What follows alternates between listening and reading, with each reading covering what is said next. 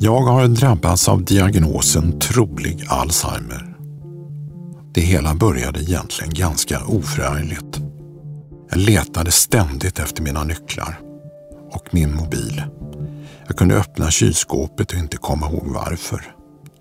Ibland på fester kunde jag hälsa på samma person flera gånger. Visst hade jag hört talas om Alzheimer. Men de som har den sjukdomen, de sitter ju i rullstol. Och de är ju dementa. Det är ju inte jag. Jag har bara lite dåligt minne.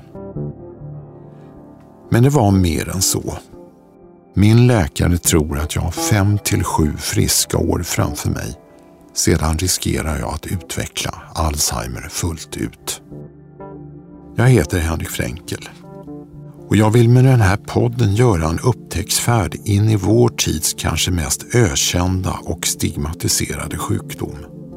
Och så vill jag såklart veta vad som ska hända med just mig. Varför har jag fått sjukdomen? Och hur har den uppstått? Kan den behandlas? Och finns det läkemedel i sikte? Jag ska träffa människor som kan hjälpa mig att förstå den sjukdom som drabbar 25 000 svenskar varje år. Som har funnits i över 100 år och som ingen överlever.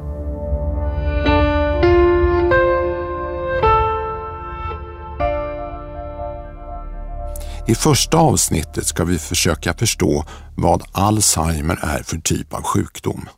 Lite om hur man blir sjuk, vilka som drabbas, hur man märker att man bär på Alzheimer, men också hur långt forskningen har kommit för att tidigt kunna spåra sjukdomen. Och kanske viktigast av allt, när får vi se ett läkemedel som kan bromsa eller stoppa utvecklingen av Alzheimer? Här i studion har vi en av Sveriges ledande forskare inom området. Henrik Zetterberg, professor i neurokemi vid Göteborgs universitet. Han leder ett team med ett 80-tal forskare i både Göteborg och London. Målet är att kunna spåra Alzheimer via ett enkelt blodprov. Och hans forskning stöttas av bland andra multimiljardären Bill Gates. Välkommen Henrik Zetterberg. Tack så mycket. Eh, jag skrev om dig Bill Gates och zebrafiskarna i min blogg för några veckor sedan. Läste du? Jajamän, jag, jag såg det och eh, såg även kommentarerna som detta gav upphov till. Det blev mm. ganska mycket frågor. Mm. Vad tänker du om det? Ja, det är spännande. Ja, zebrafiskarna är ju det mest udda i eh, den här forskningen och eh, Zebrafisk det är ett eh, försöksdjur. Egentligen är det, eh, det är ju en sötvattensfisk i Indien men den lägger genomskinliga ägg. Ja. Och de här äggen kan man titta på hur hjärnan utvecklas eh, över 24 timmar. Och då visar det sig att en del av de Alzheimer-gener, ja. eller de gener som vi förknippar med Alzheimer, de är viktiga under hjärnans utveckling. Mm. Vi kommer tillbaka till det. Eh, jag fick i påskas diagnosen MCI, det vill säga lindrig minnesstörning med trolig utveckling Alzheimer. Så vad tänker du när du sitter här mitt emot mig? Jag tänker att det måste ha varit jobbigt att få en sån diagnos. Samtidigt så är det jättevanligt och väldigt relevant för många av oss. Mm. Eh, nu ska du få en svår fråga. Kan du berätta hur det ser ut i min hjärna på ett ungefär? Oh, den frågan är jättesvår och jag får ju svara att det kan jag inte, för eh, det vet jag inte. Men eh, man kan säga att om man, om man tittar på hjärnor med Alzheimers sjukdom i sig så kännetecknas det av att man har någonting som heter amyloida plack. Det är små mm. proteinklumpar av ett protein, av ett, eller små klumpar av ett protein som heter betamyloid. Mm. Och sen har man också andra små trådar inne i nervcellerna som eh, består av tau. Mm. Och sen har man en nervcellspåverkan och ibland också en senare sjukdomen en nervcellsförlust i vissa hjärnregioner som har med minnesinlagring framförallt att göra, men det kan vara i andra, i andra delar av hjärnan också. Mm. Eh, nu är det så här, eh, och jag kommer också tillbaka till det, jag har inte plack. Eh, men eh, vi tar det om en liten stund. Först tänkte jag fråga tre raka frågor. Och du måste svara mycket kortfattat. Första frågan, kan du med säkerhet säga att du förstår gåtan Alzheimer? Nej. Det var ett kort svar. Det låter väldigt oroligt. Här har jag en av Sveriges ledande forskare. Just det, just det. Men det är därför vi forskar. Och det är inte oroväckande, det är väldigt normalt. Jag tror att um, de flesta forskare som håller på med sjukdomar, de kan inte svara exakt uh, hur sjukdomen fungerar, inte i minsta detalj i alla fall. Utan vi lär oss bitar av vad sjukdomen är för något. Mm. Och sen så är det hela tiden ett försök att angripa sjukdomen på många olika sätt. Och sen förhoppningsvis så är det ett eller ett par sätt som fungerar. Och då behöver inte det vara svaret på gåtan om Alzheimers sjukdom. Det kan hända att det inte ens finns någon gåta om Alzheimers sjukdom. Detta är kanske någonting som, som, eh, som eh, ibland händer men som vi får eh, lära oss att hantera inom sjukvården på ett professionellt sätt med de medel som fungerar. Och ibland kan det vara så också att man inte exakt förstår varför ett läkemedel fungerar. Men vi får inte ge upp och det är absolut inte, jag, jag, jag skulle inte vara så orolig över att denna osäkerhet finns i fältet. Ehm, men det här med läke, du nämnde det här med läkemedel. Mm. Det är min andra fråga. Om du är tvingad att betta, kommer det inom fem år släppas ett botemedel mot Alzheimer? Ja, ja eller nej? Ja, jag tror att, eh, eller fem, tio år i alla fall. Jag tror att det kommer ja, att bli Det är skillnad mellan fem och tio. Mm. För min del. För din del, ja just det, precis, precis. Uh, jag tror... Uh... Jag har inte tid att vänta tio år. Nej, nej. Uh, ja, det, är, det är en svår fråga men jag det, ja, då säger jag fem år nej, tio år ja. Okej, okay det var tråkigt. Så till sist, hur skulle du själv reagera om du fick diagnosen Alzheimer? Jag har ju jättestor risk att få det. Eh, vi har det i släkten. Det är, och det är inte därför jag forskar på Alzheimer, men, eh, men det är absolut så att Alzheimer är någonting som nog de flesta av oss ska jag kan liksom räkna med att det är stor risk att vi får. Det är också så, eh, höll på att säga, fint med Alzheimer att den, lever man länge så har man jättestor risk att få det. Lever man upp i 90-95 års åldern så kanske i alla fall majoriteten har Alzheimer-liknande förändringar i hjärnan. Då. Uppsidan är att man blir gammal, nedsidan är att man får Alzheimer. Exakt, exakt. Mm. Du nämnde att det var eh, ni har det i släkten? Mm, precis, så det är många av lyssnarna som har det i släkten. Det är, det är en av de vanligaste, det är en folksjukdom. Mm. Om vi backar bandet, vem är Henrik Zetterberg? Du är inte hockeyspelaren i alla fall? Nej, jag är inte hockeyspelaren. Det är, han dominerar ju eh, internet, va? så det är svårt att hitta mig om ja, man googlar. Jag vet. Eh, man får eh, gå ner lite, lite grann eller skriva någonting om Alzheimer så, så då kommer jag fram. Eh, nej, jag är, eh, nu ska vi se här, jag är 46 år gammal och på med Alzheimerforskning i 20 år snart, eller 15, 15 ja, 17-18 år. Eh, min bakgrund är jag visste ganska tidigt att jag ville bli forskare och då fick jag rådet av en Stockholmsprofessor att jag borde läsa medicin. Så jag läste medicin med den ingången att jag ville bli forskare, höll på med eh, molekylärbiologi. Men sen efter min avhandling så träffade jag en Alzheimerforskare som heter Kai Blenov. Mm. Vi eh, jobbade tillsammans på det klinisk-kemiska labbet i Göteborg. Och då började han prata om sjukdomen. En hjärnsjukdom som är svår att mäta upp, som är svår att detektera på ett objektivt sätt. Och hans forskning var just att kunna hitta enkla klinisk-kemiska tester för sjukdomen. Och jag tyckte det lät jättespännande så vi började samarbeta. Men du började egentligen med att studera hur idrottsmän påverkades av slag mot hjärnan? Det var faktiskt efter Alzheimerforskningen hade dratt okay. igång. Vi, de proteiner vi eh, studerade i kroppsvätskor mm. som ryggvätska och blod, de proteinerna är också relevanta för akuta hjärnskador. Mm. Och vi ville se lite grann hur snabbt våra tester ändrade sig i relation till en akut smäll och utläkning efter smällen. Och det vi hade som enkel tanke var att om man har om vi lär oss hur markörerna som vi mäter i ryggvätska och blod fungerar vid sådana enkla tillstånd så skulle vi lära oss mer om hur de skulle kunna ändra sig vid Alzheimers sjukdom och kanske också hur snabbt de skulle kunna normaliseras som en respons på en framgångsrik behandling. Men innebär det också att om man har fått många smällar, typ inom idrotten, att, man, att risken ökar att man kan utveckla Alzheimer? Ja, eh, det är ganska otvetydigt på det viset att upprepade hjärnskakningar, upprepade skalltrauman mm. minskar, eh, det är lite fult att säga så, men det minskar hjärnans reservkapacitet. Det gör inte att man får Alzheimerförändringar i hjärnan, inte de klassiska Alzheimerförändringarna, men ens motståndskraft mot de förändringarna när de uppkommer med åldern blir mindre. Och man kanske snabbare får symptom. Innebär det att boxare oftare får Alzheimer? Ja, eh, det är inte Alzheimer utan det kallas för dementia pugilistica eller boxardemens.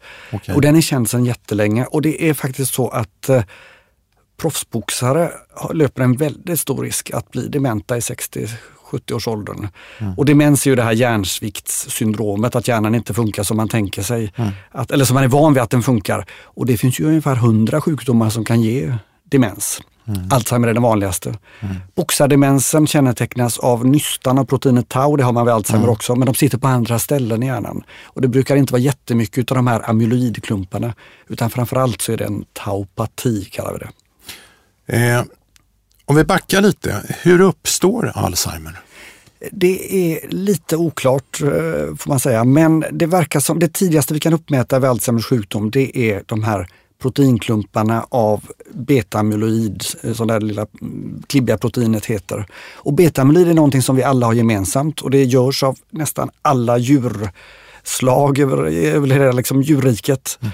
Man tror att betamyloiden kanske har någonting eh, att göra med den normala omsättningen av nervcellskopplingar det som vi, när vi sover på natten så ommöblerar vi lite hjärnan och man tillbakabildar vissa synapser och, man, och synapser är då nervcellskopplingar. Och man, man förstärker och bildar nya också. Mm. Och där verkar betamyloiden kunna ha en liten fysiologisk, en normal funktion. Så vad är det som händer vid själva sjukdomen då? Då börjar betamyloiden som är ungefär, det är en ganska kort, eh, ett ganska kort protein, 40-42 aminosyror. Det 42 aminosyror långa proteinet är klibbigt. Så det kan självhäfta, det kan klumpa ihop sig lite grann. Och det sker också ganska normalt men det, hela tiden så bryts det ner och kommer ut ur hjärnan i den friska, unga hjärnan. Men vid Alzheimer så börjar de här småklumparna bildas och då blir det som en liten självförstärkande kaskad så de här klumparna bygger på sig över åren. Och när börjar det då? Ja, det börjar ungefär 15 till 20 år innan symptomen dyker upp. Så det börjar i, det kan vara, det alltså så i mitt, i mitt mm. fall, mm. eh, jag är 70 år, mm. då menar du att Eh, min sjukdom började utvecklas när jag var 50. Det är inte riktigt, om man verkligen pratar om, om dig här nu så är det ju så att, för jag läste på din blogg också att du inte har tecken på sådana här klumpar. Nej. Och det är lite speciellt. Rent vad har jag då? då? Ja, då är det definitionsmässigt, man, man, kan säga så här att eh, du kan ha fått en Alzheimer-diagnos på klinisk grund och alla tester du har mm. gjort. Eh, och det är ju då ett tecken på att det finns förändringar i hjärnan i de områden som brukar Och det ser man också i röntgen, ja, i MR. Då, då, är det de förändringar i hjärnan som brukar drabbas vid Alzheimers sjukdom. Men det är ganska typiskt att det inte är klumparna som finns där, de här amyloidklumparna. Så vad är det då? då? Det finns en ny upptäckt eller återupptäckt sjukdom som man kallar för LATE, L-A-T-E, som, där det är en annan typ av klumpar som heter TDP43. Det skulle kunna vara något sånt, men de kan vi inte mäta ännu. Oj då. Det här var nytt för mig, det har jag aldrig hört talas om. Nej, det är ganska nytt och ganska omdiskuterat och fortfarande ganska kontroversiellt faktiskt mellan forskargrupper. Det är mm. precis i frontlinjen på forskningen. Och det är där, det är där vi står och det var därför jag också eh, tvekade så när du frågade mig om gåtan bakom Alzheimers mm. sjukdom. För eh, det, det här är ett aktivt forskningsfält där vi hela tiden lär oss nya saker. Och vi måste komma ihåg att Alzheimers sjukdom, ja det var ju en grej som, som upptäcktes i början av 1900-talet mm. av Alois Alzheimer. Mm. Och sen har man ju upptäckt en del andra hjärnsjukdomar som kan ge demens. Men de senaste, den senaste tiden så har vi inte upptäckt några nya sjukdomar mm. som kan ge Alzheimer-liknande bild. Men det börjar komma nu.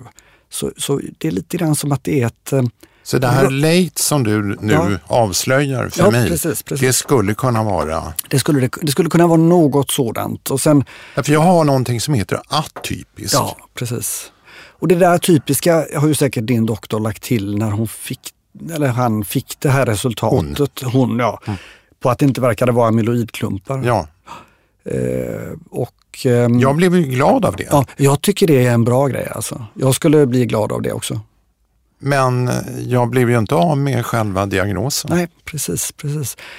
Samtidigt så är det, innebär ju detta också då att um, det är, jag, jag, vet att du skrev någonstans om den här att du hade tittat på progressionen av mm. sjukdomen mm. och upplevt, nej det var, jag hörde det på radion ja. eh, och du berättade att du såg den här du såg de kommande fem åren och sen skulle du nå någon slags... Nej, det, det var min, det var ja, jag, jag, jag, trä, jag, träffade min läkare. När hon gav mig diagnosen ja. så frågade jag hur lång tid har jag på mig eh, som frisk? Och då sa hon att du har fem, sju friska år ja. och sen faller det, eh, går, sen går det snabbt utför. Mm.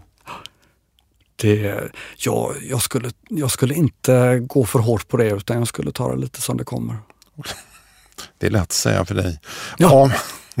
Eh, men om det är så som du säger att eh, eh Alzheimer eh, startar i eh, hjärnan 15-20 år innan man upptäcker den. För det första, varför kan man inte upptäcka den själv? Då är det Hjärnan har ju en fantastisk kompensationsförmåga och om man förlorar exempelvis efter en stroke eller mm. efter, ett, ähm, efter en smäll mot huvudet så är det ju så att så fort man har skadade nervceller så kommer friska kringliggande nervceller att försöka kompensera för detta. Det är som ett självorganiserande nätverk. Mm. Då har man kanske några, efter en hjärnskakning som vi många har haft, så har man kanske två, tre, fyra, fem eller en vecka, eh, fem dagar eller en vecka där man, mm. där man är yr och inte mår riktigt bra. Det skjuter i öronen och man sover dåligt och sånt. Och där håller de här nervcellerna på att försöka, som finns kvar, de försöker kompensera för förlorade funktioner. Och så lyckas de. Och när man då har proteinklumpar som uppkommer och börjar störa nervcellskopplingar så kommer kringliggande nervcellskopplingar att kompensera för det. Mm. Och det är jätteintressant och, jag, och verkar vara extremt eh, kraftfullt. Så det tar tid innan man får uppenbara symptom av de här klumparna. Men det innebär att i princip alla i 50-årsåldern kan gå omkring och bära på en potentiell Alzheimer? Ja, så är det. Eh, och man kan även nu med, eh, man kan ju göra mycket för att, eller man kan till exempel gentesta sig och ta reda på om man har eh, riskgenen ApoE epsilon 4. Mm. Jättelätt att göra. Eh, och har man den så är det så att då man, är man mer sannolikt på gång att få amyloida plack när man är 50-55 års åldern. Har man den inte så kanske det kommer först i 70-årsåldern, att man blir sjuk när man är 90. Eh, man säger att en eh, allel, en, en kopia av den här riskallelen av ApoE, den eh, mm. tidigare lägger amyloidklumpbildningen med 10 år.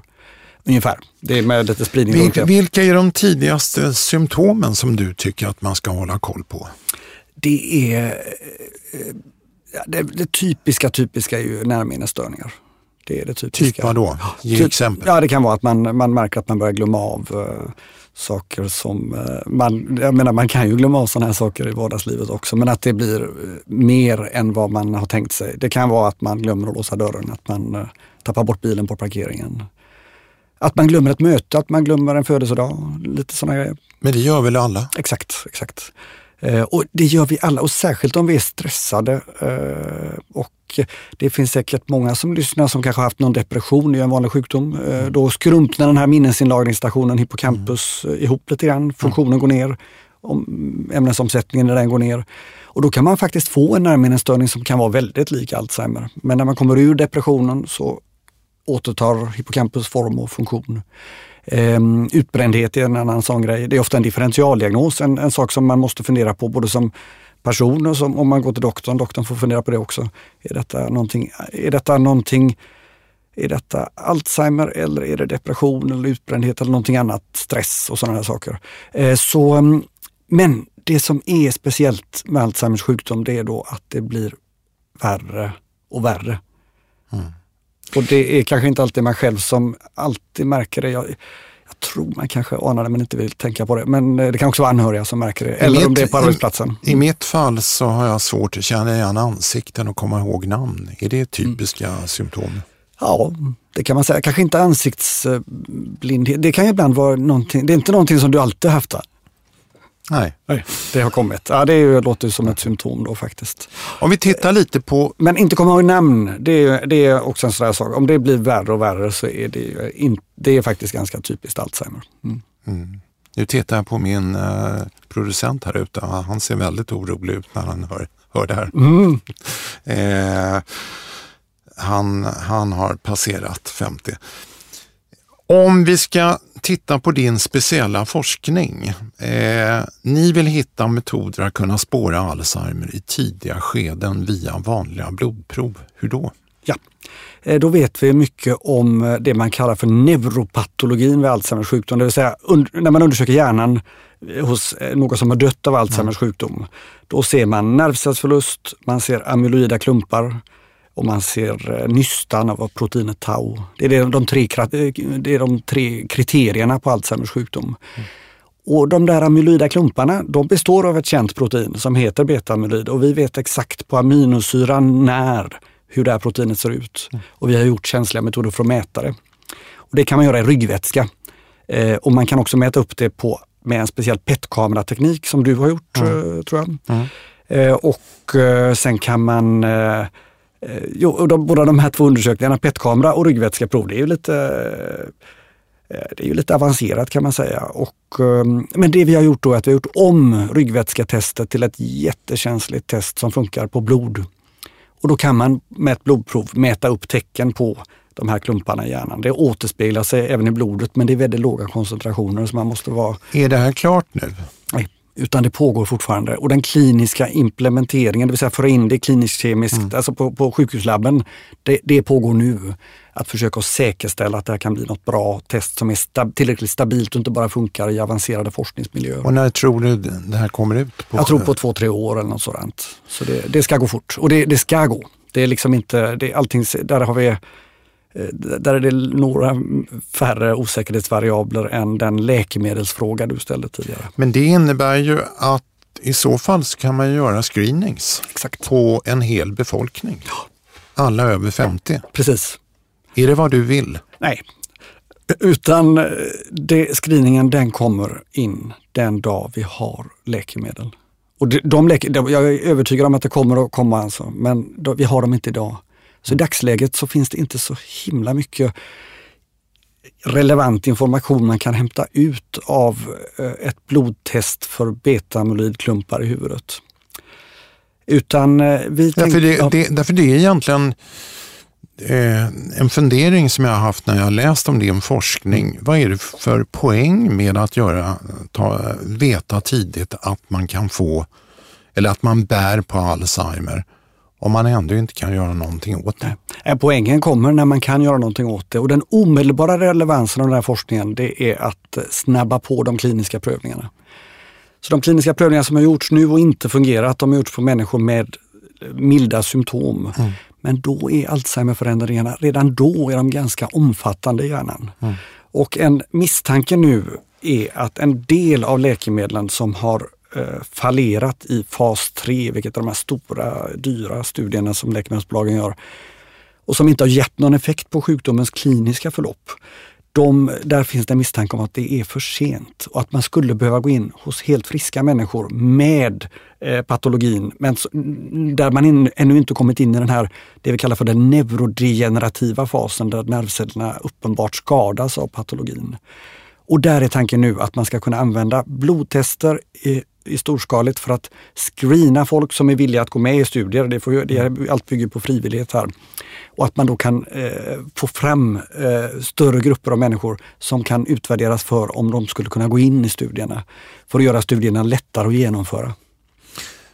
Men säg att man deltar i en screening eller en frivillig eh, studie och får reda på att man bär på symptomen. Är inte det att bara skrämma folk? Man måste ha fått den informationen innan då.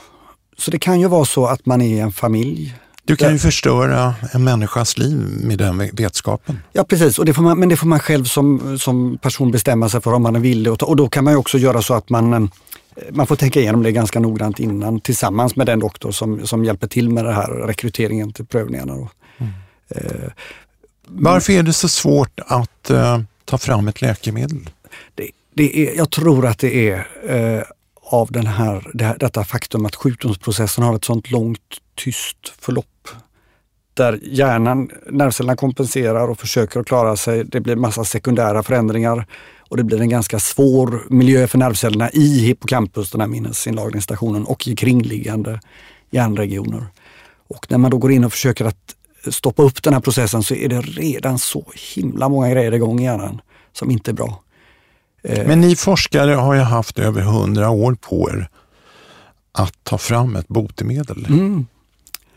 Men inget har kommit? Nej, det, den, man kan säga att de senaste läkemedlen är ju de här eh, medicinerna som är symptomlindrande som påverkar eh, signalämnena i hjärnan. Så att man, det som jag tar? Det som du precis. Och det, oftast så brukar det fungera lite grann i alla fall. Och, eh, men det påverkar inte den underliggande sjukdomen riktigt. Eh, 1984, det var då man upptäckte att det var betamyloid i de här placken och det brukar vi säga, det, det är då den moderna Alzheimerforskningen startade. Eh, den startade med jättesmå resurser och fortfarande är det, om man jämför med cancer så är det, och även hjärt-kärlsjukdom och sådant, så är det fortfarande ganska små resurser som läggs ner. Det blir bättre tack vare Alzheimerfonden och en del sådana saker och initiativ mm. från Bill Gates till exempel också. Och en del andra stora initiativ. Eh, Alzheimer's Association i USA är väldigt aktiva på detta fält också. Men det behövs göras mycket mer forskning och jag är ändå hoppfull att den här, man brukar kalla det för amyloidkaskadhypotesen vid mm. Alzheimers sjukdom, att den, att, den har, eh, att den har en kärna av eh, sanning och går man in och hindrar kaskaden från att dra igång eller att man stoppar den i ett väldigt tidigt läge, då tror jag att vi har i alla fall ett läkemedel mot um, den här delen av sjukdomen. Och då kanske det läkemedlet inte funkar på dig utan då kanske man måste gå på någon annan eh, patologi med att om du inte har de här klumparna utan det är någonting annat också. Men det får man bena ut efterhand. Eh, läkemedelsbolag världen över har stoppat in och satsat eh, hundratals miljarder på att ta fram läkemedel. Över 200 läkemedelstester världen över har gjorts. Samtliga har lagts ner. Mm. Kan det vara så att ni forskare springer på fel ställe? Letar efter fel orsaker? Ja, det är en oro i fältet nu att, att det är en överförenklad bild av den här klumppatologin. Eh, och, eh, men det finns eh, Samtidigt så är det då så att man tittar även på till exempel den här, de här taunystarna. Där kommer det eh, att komma kliniska prövningar på om man kan påverka uppkomsten av taupatologin. Mm Eh, det är väldigt mycket intresse i hjärnans städarceller, mikroglia. Och man på, kan aktivera dem på ett mer gynnsamt sätt eh, mot Alzheimers sjukdom.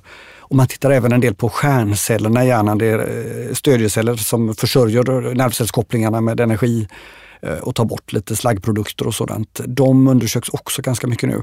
Så det är, det är som att ehm, eh, de senaste åren så har fältet breddats en del på grund av de negativa resultaten som, där man har försökt att, att angripa just amyloidklumparna. Men kan lösningen ligga någon helt annanstans? Ja, det kan den ju göra alltså. Men jag, jag, jag tycker fortfarande att det finns så mycket som talar för att amyloidklumparna har en sjukdomsalstrande effekt.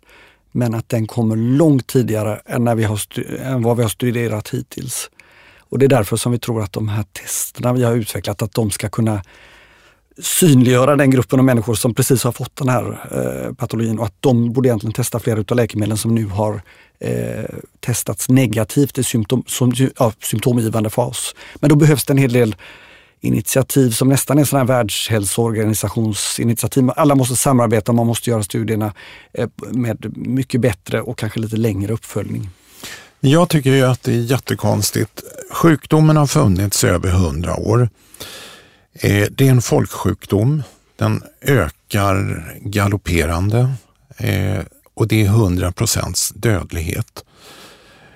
Eh, när det gäller cancer så botas idag sju av tio patienter. När det gäller Alzheimer, ingen. Mm. varför har inte forskningen kommit längre? Det är nog det här med komplexiteten i sjukdomen. Och jag, nu säger jag det, men det är det mer komplext än cancer? Absolut, absolut. Mycket mer komplext, kanske hundra gånger så komplext. Har det med, med medel och forskningsmedel att göra? Ja, det tror jag också eh, att det har. Så vi måste satsa, vi måste ta den här sjukdomen på mycket större allvar. Egentligen den här gruppen av sjukdomar. För vi får inte glömma att vi har Alzheimer, vi har pannlobsdemens, mm. vi har leverkroppsdemens, vi har Parkinson. Parkinson har vi den här fina att man kan i alla fall faktiskt göra väldigt mycket vad gäller de här skakningarna och stelheten som Parkinson-patienter drabbas av Men sjukdomen progrederar ändå. Mm.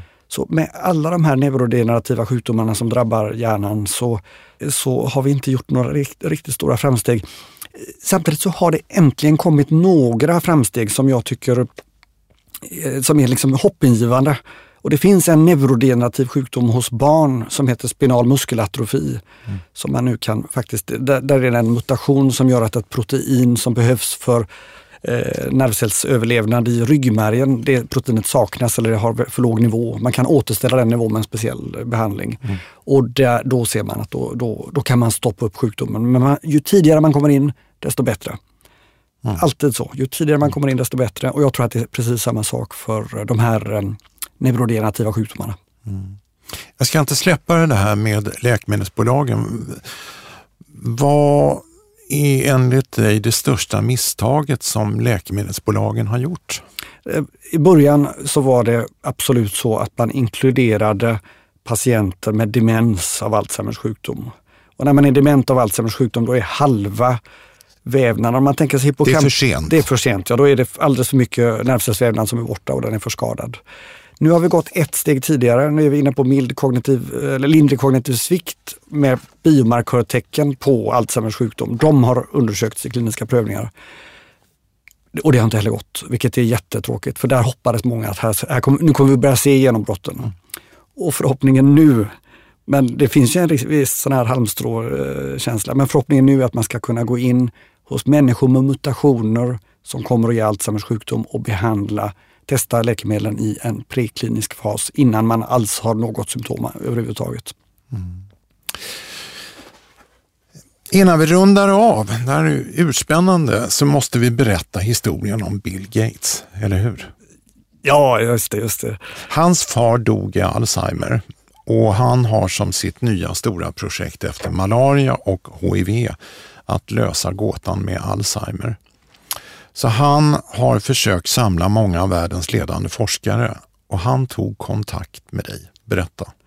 Ja, det var ju inte Bill Gates själv som tog kontakt utan hans assistent. Det låter bättre med en bild. Ja, men det var ju egentligen nästan direktkontakt. Problemet var att jag var så himla stressad då så jag hade bestämt mig för att jag skulle inte resa någonstans. Jag skulle inte göra, så jag fick en inbjudan från en människa jag inte känner eh, med en förfrågan om att komma till Berlin inom tre veckor för eh, det var ett, ett och ett halvt år sedan. Och jag läste inte mejlet så noga utan jag svarade att nej, det går inte, min agenda är full. Mm. Sen kom det ett mejl till att vi kan ändra datumen lite grann, det går bra i alla fall. Och jag svarade direkt nej, det går inte. Och sen kom det ett tredje mejl från ytterligare en person och jag svarade att det går inte. Och till slut på kvällen samma dag så, så smsar en av mina forskarkollegor i Lund med och säger att jag har hört att du har tackat nej till ett möte med Bill Gates. Mm. Och då tänkte jag att det här var ju jättekonstigt. Men jag började fundera på att jag hade svarat på några konstiga mejl och då gick jag på kvällen in på datorn och läste de här mejlen och ser ju att Mr Gates eh, skulle vilja träffa mig och diskutera. Och jag inser att jag har ju gjort bort mig. Va? Det var ju väldigt Så vad dumt. sa du då? då? Ja, jag, hittade, jag, jag, jag, jag, tänkte så, jag, jag tänkte så här efter en stund. Först tänkte jag att det var lite coolt att ha sagt nej till Bill Gates. Sen tänkte jag att det var inte coolt för jag visste inte om att jag hade sagt nej till honom. Så jag mejlade assistenten och skrev att jag nu hade gått igenom mitt vårschema tillsammans med min assistent. Jag har ingen assistent, det var någon sån här underdog-känsla. Och att jag hade hittat en lucka. Finns fortfarande möjligheten så kommer jag. Och det fanns den möjligheten. Så jag åkte ner och träffade Bill Gates på ett frukostmöte i, på, i Berlin. Hur var det? Det var jättespännande. Det var ett, eh, ett bord och Eh, Eh, ett avlångt bord och så satt Bill Gates på ena änden tillsammans med två stycken rådgivare och sen satt jag och min kollega från Lund, Oskar Hansson, och blev förhörda kan man säga i en eh, timme av Bill Gates angående forskningsläget inom Alzheimers sjukdom. Och syftet som han hade med intervjun, det var, han intervjuade inte bara oss utan även andra, det var att ta reda på var skulle hans pengar kunna göra nytta. Det var innan de hade bestämt sig exakt för att de skulle göra den här satsningen. Men han ville, han ville veta att det inte var pengar som bara skickades på samma boll hela tiden. Utan var han kunnig? Jättekunnig. Och han hade också den här fantastiska förmågan att göra att man som samtalspartner kände sig alldeles eh, briljant och lyssnad på och stimulerad. Det var en ganska speciell upplevelse. Så när man gick ut därifrån så kände jag var så lycklig och glad på något konstigt sätt. Så jag vet inte. Men no, han har något, något sätt att prata med folk som gör att ehm, att eh, um, att, som i alla fall i mitt fall gjorde att man kände, jag kände mig extremt upplyft och eh, motiverad att arbeta hårt. Nå, fick du några pengar? Ja, då var det så här att eh, han gjorde till slut, de gjorde en utlysning från eh, Melinda och Bill Gates Foundation tillsammans med ett amerikanskt eh, eh en amerikansk stiftelse som heter ADDF och vi har fått ett anslag som är klart och det andra anslaget förhandlas just nu. Wow, mycket pengar. Ja, det andra anslaget är faktiskt på 32 miljoner kronor. Mm. Och det är just för att göra de här testerna. Mm. För att kunna, och idén är alltså att man ska, vi ska snabba på de kliniska prövningarna och kunna gå in tidigare på ett mer effektivt sätt och även snabbare kunna utvärdera om det är en behandlingseffekt eller ej. För att kunna lägga ner läkemedel tidigare om de inte har effekt eller satsa på de läkemedel som ser eh, riktigt lovande ut. Mm. Henrik Zetterberg, vi måste sluta nu, men innan du går så måste jag ställa dagens svåraste fråga. Vad kan du ge mig för hopp? Ja, jag skulle faktiskt verkligen, verkligen vilja, eftersom jag hörde dig på radion prata om det här, din, när, när du projicerade din framtid.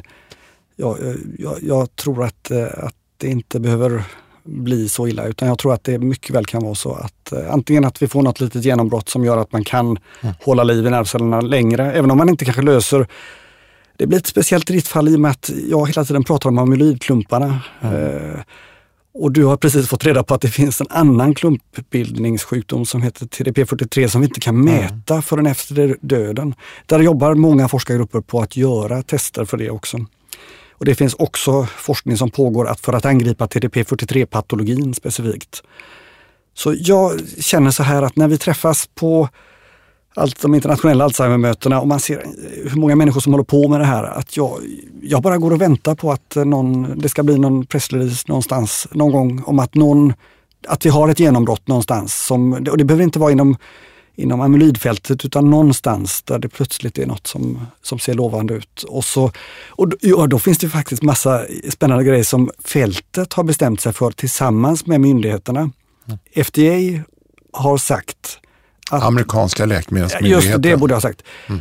De har sagt så att om det finns något läkemedel som påverkar någon biomarkör för nervcellsförlust och nervcellsskada vid någon av de här neurodegenerativa sjukdomarna mm. eh, så kommer de ge ett snabbgodkännande. Och det kallar man för ett provisional approval. Eh, och och det, då får läkare direkt börja förskriva läkemedlet så länge de noggrant följer sina patienter och rapporterar in data på hur det går för dem till Läkemedelsverket. Så det blir liksom en studie i verkligheten. Mm. Så Det känns som samhället har förstått att det här är ett stort jäkla problem. Det, så som vi kan behandla sjukdomar nu är inte bra. Minsta genombrott kommer då att snabbt uh, få effekt kliniskt och att man är noga med att få in det snabbt så att det kommer patienterna till godo. På ett säkert sätt måste man lägga till, så man måste vara jättenoga så att det inte blir biverkningar eller någonting annat. Det lät ju hoppfullt. Jag hoppas att det går snabbt. Eh, tack Henrik Zetterberg, det var otroligt eh, spännande och kul att träffa dig. Tack så mycket. Eh, och tack alla ni som lyssnar på den här podden. Vill ni veta mer så går ni in på bloggen Hjälp, jag har Alzheimer. Länken hittar ni där podden ligger.